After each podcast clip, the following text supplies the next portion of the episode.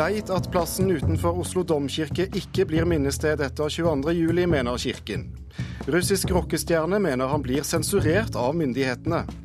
Innlandsdialekten er i ferd med å dø ut. Samtidig velger flere innlandsartister enn før å synge på dialekten sin.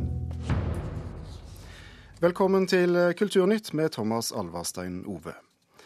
Forslaget til hvor minnestedet i Oslo etter 22.07 skal ligge, vekker reaksjoner fra både kunstnere og kirken. I går anbefalte styringsgruppen for minnesmerker etter 22.07 å legge minnestedet i hovedstaden til Nisseberget i Slottsparken. Bortgjemt og for fjernt fra stedet der terroren rammet, mener kritikerne.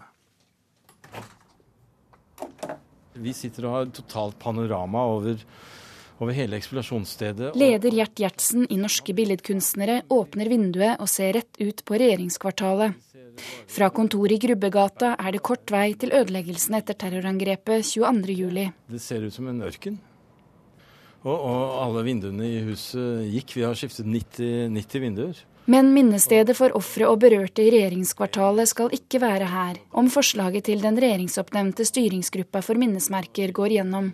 I går kom den med sin anbefaling. Minnestedet bør ligge på Nisseberget i Slottsparken. Det mener Gjertsen er unaturlig. Jeg mener i den grad man i eh, fysisk, praktisk eh, forstand kan, eh, kan legge et minnesmerke og et minnested her i Oslo, så, så, må det være der det skjedde. Et slags norsk ground zero i, i, i Oslo. Det annet ville være dårligere alternativ. Slottsparken har ikke samme tilknytning til terrorhendelsene, sier Gjertsen. Faktisk så virker det veldig tilfeldig eh, valgt. Flere andre kunstnere NRK har snakket med, reagerer også på valget av Slottsparken. Blant dem billedhogger Nico Widerberg, som selv har laget et minnesmerke etter 22.07. Det blir jo litt bortgjemt. Skulpturen burde kanskje være synlig i bybildet, og at den burde være mer fremtredende. Det er min reaksjon i forhold til at dette her er noe vi skal leve med og som blir en del av oss. Åse Kleveland, leder for styringsgruppa for minnesmerker, er ikke overrasket over at det kommer reaksjoner på forslaget. At det skulle bli en debatt i kjølvannet av dette, er det noe som har vært sikkert, så er det akkurat det. Og den debatten er jo veldig viktig. Kleveland mener minnestedet bør være et sted som gir ro, framfor å ha direkte tilknytning til terrorangrepet. At det skal være et vakkert og fint sted som man skal kunne gå til, ikke bare om man har en slektning som har blitt rammet, men mer bruke generelt sett. Men er det ikke naturlig at det skal ligge der det faktisk skjedde, i regjeringskvartalet? Altså, det er ikke langt fra regjeringskvartalet til eh, der hvor vi har foreslått det. Minnekonserten i Oslo domkirke samlet mange den 30. juli i fjor. I flere uker var plassen foran domkirken et sted der folk kom for å minnes ofrene og legge ned blomster. Prost Trond Bakkevig i Vestre Aker prosti reagerer sterkt på at plassen ikke er foreslått som minnested. Det var et sted hvor folk kom etter 22.07. Da hadde det vært mulig å la, vurdere å legge ting litt vekk fra domkirken, i Den grønne lunden, som er, eh, tilhører kommunen. Eh, det er ikke gjort, og det syns jeg er veldig rart. Plassen foran domkirken ble vurdert av styringsgruppa, men ikke godt nok, mener Bakkevig. Jeg syns det er veldig underlig at det ikke er gjort mer omfattende vurderinger. Dette er definitivt et punkt som vi har vurdert grundig. Sier Åse Kleveland. Styringsgruppa mener plassen er ekskluderende for dem uten tilknytning til Den norske kirke. Mange av de som ble rammet, de har helt andre trosretninger. Domkirkeplassen eh, tilhører ikke kirken, men, men, Oslo kommune. Kunne det da ikke vært et slikt eh, samlingspunkt for alle? Jeg tror ikke eier, Hvem som eier grunnen, det tror jeg er mindre viktig i denne sammenhengen her. Og minnestedet som er foreslått på landsiden ved Utøya, har blitt eh, godt mottatt. Reportere i denne saken var Ida Kvittingen og Gjermund Jappé. Kulturkommentator her i NRK, Agnes Moxnes. Eh, vi hører eh, prost Trond Bakkevig reagere på at det ikke er gjort grundigere vurderinger av plassen rundt domkirken som mulig minnested. Er det en forståelig reaksjon?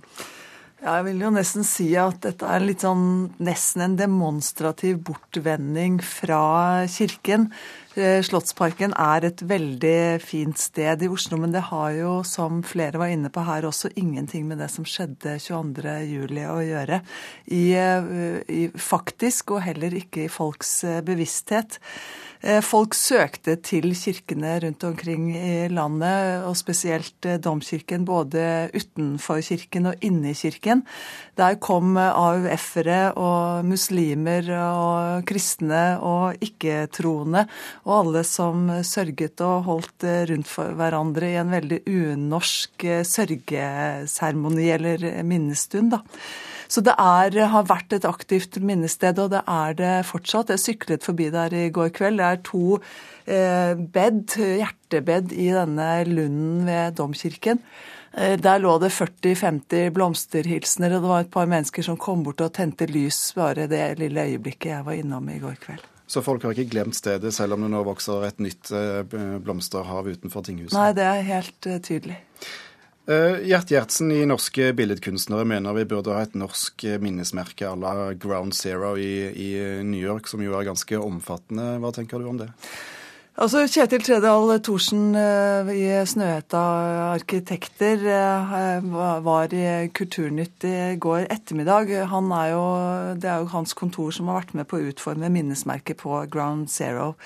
Og han sa i går at for at et minnesmerke skal få betydning utover sin egen tid, så er det veldig viktig at det ligger der det skjedde. Og han mener nok også at det riktige stedet for et minnested eller minnesmerke er regjeringskvartalet. Men det er lett egentlig å skjønne de argumentene Åse Kleveland og denne styringsgruppen som har jobbet nå, eh, argumenterer med. fordi at for det første så vet man ikke hvordan regjeringskvartalet kommer til å bli seende ut. Man vet ikke når det blir ferdig, antageligvis kanskje ikke før om ti år.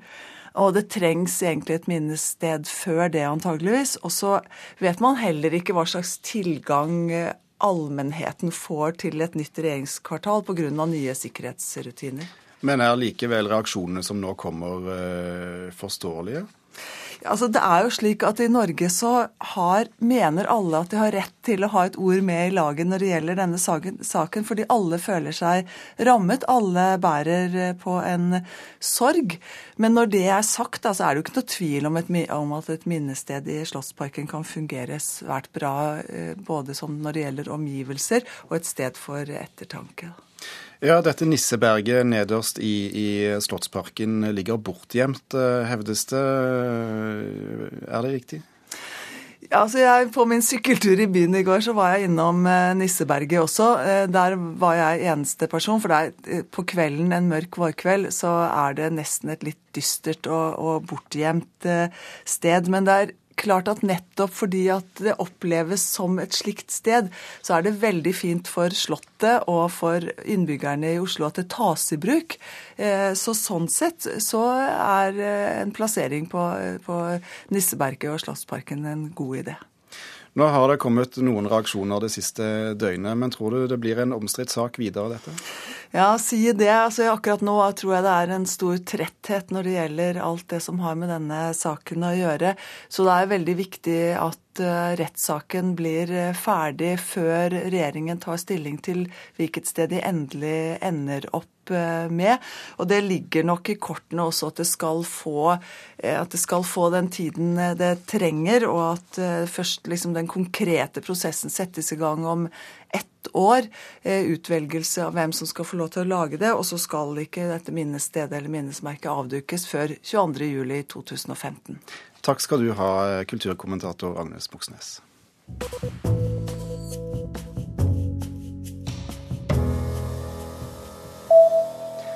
Lady Gaga, Bruce Springsteen og andre store stjerner får hele 80% av inntektene etter årets sommerfestivaler. Det viser en ny undersøkelse gjort for den britiske rettighetsorganisasjonen for musikere. Konserter og festivaler er stadig viktigere for artistene som ikke har like sikre inntekter fra platesalg som tidligere, men det meste av pengene går til noen få. Selv om vi ikke har lignende undersøkelser i Norge, er det naturlig å tro at det samme gjelder også her i landet, sier musikkforsker Daniel Norgård til Aftenposten. I dag åpner et nytt museum med verdens største samling av rasistiske objekter i Michigan i USA. På The Jim Crow Museum of Racist Memorabilia finnes leker og bøker som viser historiske og stereotypiske fremstillinger av afroamerikanere. Det skal være den største samlingen av rasistiske gjenstander i verden, med 9000 objekter, ifølge avisen The Daily Telegraph. Adel Imam har spilt i over 100 filmer, og hans innsats på det store lerretet gjennom en mannsalder har gjort ham til en av den arabiske verdens mest kjente skuespillere. Han mistet noe av sin popularitet da han gikk ut med støtte til Hosni Mubarak under revolusjonen her i Kairo i fjor. Men nå er han tilbake i søkelyset av andre årsaker. Han er dømt for å ha fornærmet islam i flere av filmene han har spilt i. F.eks. 'Terroristen' fra 2007, hvor han spiller en ettersøkt terrorist som gjemmer seg i en moderat familie, eller i filmen 'Morgan Ahmed Morgan', hvor han spiller en korrupt forretningsmann. I filmen er det en scene hvor skjeggede muslimske menn i tradisjonelle klær blir parodiert. Rettssaken mot ham er en av flere som ultrakonservative advokater har kjørt i det egyptiske rettssystemet mot folk som de mener har fornærmet islam. De prøvde også denne gangen uten å lykkes, og få dømt Egypts rikeste mann, Nagib Sawiris, for å ha videresendt en tegning på sosiale medier. Tegningen viser Mickey Mus med skjegg og Minnie med slør. Dommen mot Imam får Egypts store filmindustri til å uroe seg for framtiden. Det samme gjør mange forfattere og kunstnere, som nå er bekymret for mulighetene til å uttrykke seg fritt i det postrevolusjonære Egypt. Sigurd Falkenberg Mikkelsen, Kairo. Ja, som dere hørte vår eh, Midtøsten-korrespondent rapportere, Egypts eh, mest kjente skuespiller altså eh, er dømt til fengsel for å ha fornærmet islam. Dommen er på tre måneder i fengsel og en bot på rundt 1000 norske kroner.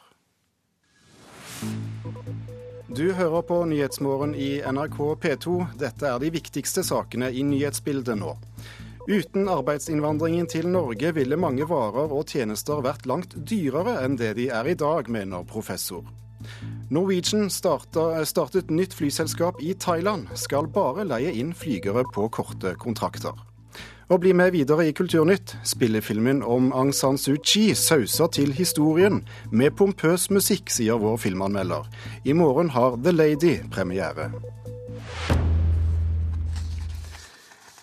Vi skal til eh, Russland, der eh, landets eh, store rockestjerne Jurij Svetsjuk mener han blir forsøkt sensurert og nektet å opptre flere steder i landet.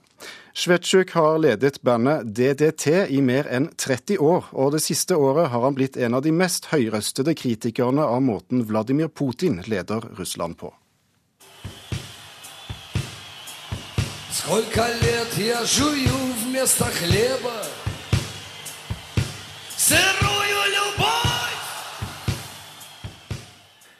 det er slik russerne kjenner ham, Jurij Sjevtsjuk, med runde Harry Potter-briller og den kraftige stemmen som tolker deres indre frustrasjon over alt det landet deres har måttet gå gjennom. Et land han likevel elsker og kaller sitt fedreland.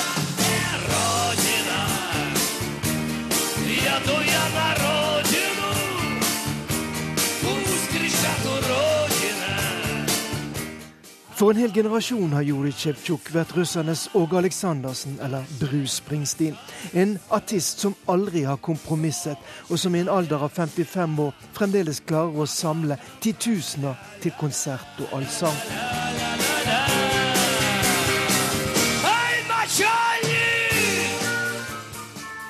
То есть свобода прессы, свобода информации, потому что то, что сейчас творится в стране, это скорее сословная страна.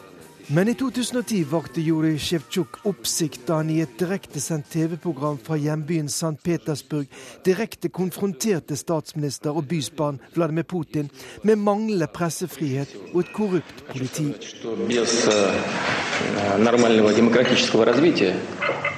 Будущего страны не будет. det endte med at de to kranglet for åpne TV-kameraer. En hendelse som mange mener var starten på den nye demokratibevegelsen i Russland. Som foreløpig kulminerte med de voldsomme protestene mot valgfusk etter parlamentsvalget i desember.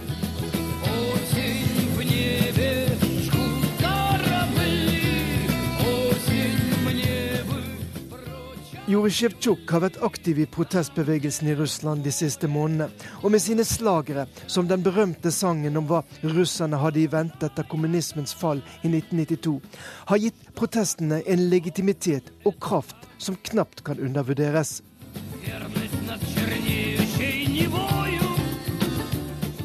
Men dette har også straffet seg. Flere ganger den siste tiden har Juri Sjevtsjuk og DDT blitt nektet å opptre, bl.a. i oljebyen Tjumen og i stasjonsbyen Omsk på den transsibirske jernbanen. Konserten har vært utsolgt, men plutselig har vi fått beskjed om at det ikke er mulig å opptre. Noen har ringt til de lokale arrangørene og gitt beskjed om dette, sier Sjevtsjuk i en pressemelding som ble sendt ut denne uken. På sin vanlige, ironiske måte sier Sjevtsjuk at han selv håper at eh, hele den korpulente flokken av ivrige forkjempere for en råtten ordre snart vil forsvinne inn i armene på en ny fremtid. Så får vi se om den aldrende rockeren fra St. Petersburg er sterk nok til å nedkjempe dem som prøver å hindre ham å komme opp på scenen, der han alltid avslutter konsertene sine på denne måten. Спасибо! На этом все. Reporter i denne saken var Morten Jentoft. Det er svært få ungdommer som bruker den brede Hedmarks- og Toten-dialekten. Språket er utrydningstruet i dagligtalen til de unge. Men nye artister fra området er flittige brukere av den brede dialekten. Jeg er 17 år og kommer fra Elverum i Hedmark. Nå skal jeg på hyttetur på Eina. Mange unge sør i Østerdalen og Trysil snakker mer bokmål enn foreldrene sine. Dialektene på Østlandet generelt er på vikenes front. Ligner nokså mye på Oslo-mål. At dialektene forsvinner skyldes en dragning mot en urban livsstil, sier språkforsker Arne Torp ved Universitetet i Oslo. At du liksom identifiserer deg mer med byverdier og, og byidentitet osv. Ungene mine prater bokmål. Ungene mine prater ikke Toten-dialekt i det hele tatt. Aldri vil jeg glemme stunda men sjøl om dialektene er utrydningstrua, velger stadig flere artister i Innlandet å synge på dialekt. Jeg syns dialekt er viktig fordi at den er enda nærmere identiteten. Da. Jeg veit et stelle som tanka lett meg sjå. Det ville være helt rart om jeg skulle fortelle om det jeg ser utafor vinduet mitt eh, hjemme på Toten, om jeg skulle fortelle om det på engelsk. Du er drømmen som ble sann når jeg brukte dialekta mi, så ble ordforholdet mitt mye større. Det var mye mer å, å, å spille på. Noen mikker her. Så. De rigger til konsert i Gjøvik kino. Guren Hagen, Frida Ånnevik, Knut Anders Sørum og bandet Narum fra Toten. Fire av Innlandets mest profilerte artister har turnert over hele Østlandet med sanger på hedmarksk og totensk. Seks-sju år siden så var det sånn å nei, ingen skriver på norsk. Og nå er det helt snudd. Før var det flaut å synge på hedmarksdialekt. Nå er det motsatt. Det er blitt en innlandsbølge av band og artister som bruker dialekta, sier Lars Kristian Narum. Altså, Det var jo ingen som hadde brukt Toten-dialekta på den måten før. da. Det var nok av skeptikere som rett og slett sa at dette her har ikke noe trua på. Men så er det litt moro nå i etterkant. Nå ser jeg at det er en oppe i land eh, som plutselig har begynt å skrive på dialekta si. Og jeg ser en ute på Østre Toten som nå driver og spiller inn viseplater med Toten-dialekt. Og det sprer seg. Det er flott, det. Det kan jo bli sånn at en bruker det som en slags eh, festkostyme som en tar på seg, omtrent som bunaden på 17. mai. Professor i nordisk språk Arne Torp sier det imidlertid hjelper lite for å bevare dialektene om artister synger på dialekt. Jeg er ikke så sikker på at eh, det er redninga for dialektene som bruksmål. Oppe i Hallingdal så har du Hellbillies, men det går jo dårlig med hallingmålet, fordi om de synger på hallingmål, det hjelper ikke så mye, det ser ut til. Men eh, det er klart at en seriøs bruk av dialekt i popmusikk, eh, den kan ikke skade dialekten, iallfall. Du er drømmen som. Det er ikke noe som helst kunstig ved det. Det er helt ekte. Det er ikke det at det er viktig, men det er det at det er riktig. I Norges største radiokanal, NRK P1, er 49% av musikken med norske utøvere. Mer enn hver tredje låt som spilles, har norsk tekst. Jeg merker det, at jeg har veldig mye å velge mellom hver uke. Nils Åge Nonstad i programmet Norsk på norsk sier det er flere artister nå som synger på dialekt enn før. Jeg har lagt merke til at artistene er mer uh, trygge på seg sjøl. De markedsfører OK, jeg synger på dialekten min, jeg, jeg, står for det, og så tror jeg også da at unge, ungt publikum òg responderer på det. Og jeg jeg syns det er veldig kult. Vi får spredd språket, da. Ikke bare masse bokmål. Du, du snakker ikke dialekt? Jeg tar da litt totning. Engelske sanger mest. Ja, jeg syns det er fantastisk å synge på dialekt. Da er han på det med seg sjøl, enn å forfalske seg i bokmål. Når flere synger på norsk i flere deler av landet, så er det på en måte en sånn identitet som ikke kommer fra by. Altså, vi, vi får høre ting som vi ellers ikke ville hørt. Vi får en mye større variasjon i, i musikkuttrykket. Det syns jeg er helt fantastisk. Reporter i denne saken var Stein Eide.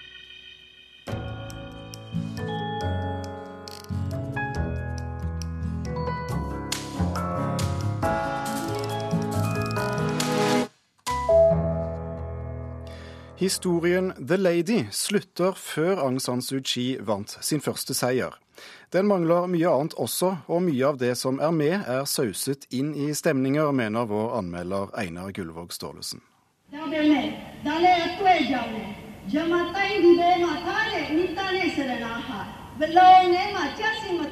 Dette er The Lady. Aung San Suu Kyi fortjener en bedre film. Det fortjener vi også.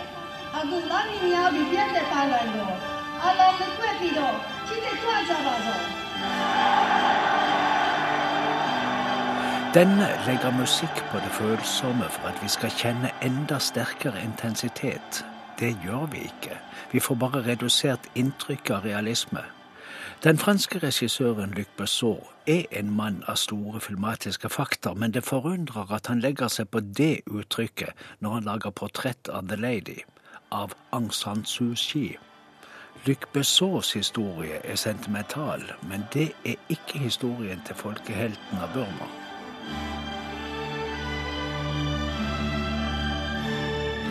Den fransk-britiske fiksjonsfilmen om Sue, som hun heter familiært, om mannen hennes og sønnene deres, er ellers ganske tregt fortalt, med en stabling av element presentert i synlig oppstilte tablåer i stakkato-rytme.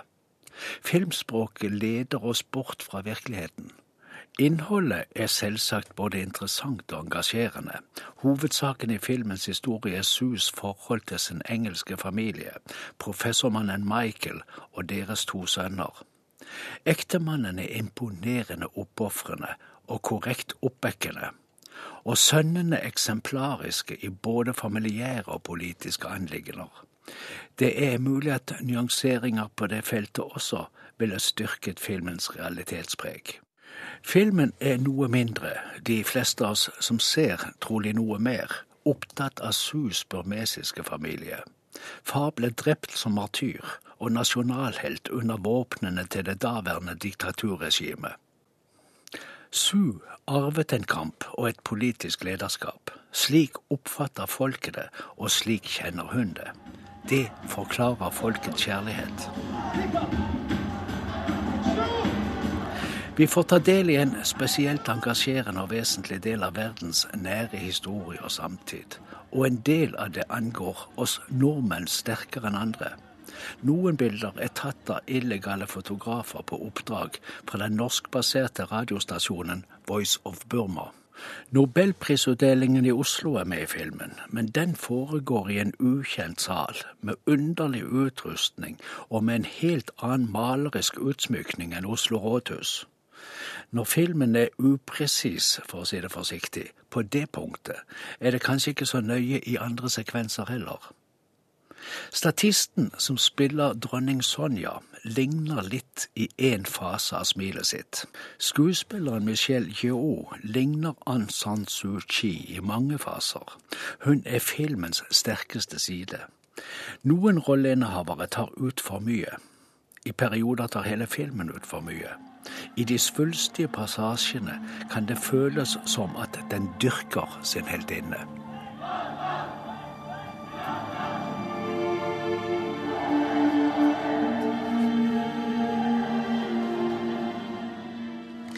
Ja, Det sa Einar Gullvåg Staalesen, som anmelder flere filmer i Mørkets opplevelser på P2 klokken 15.40 i ettermiddag. Kulturnytt denne torsdagsmorgen er slutt. Produsent har vært Andrea Kvamme Hagen. Teknisk ansvarlig Espen Hansen. Og her i studio Thomas Alvarstein Ove. Hør oss igjen 16.30 i ettermiddag.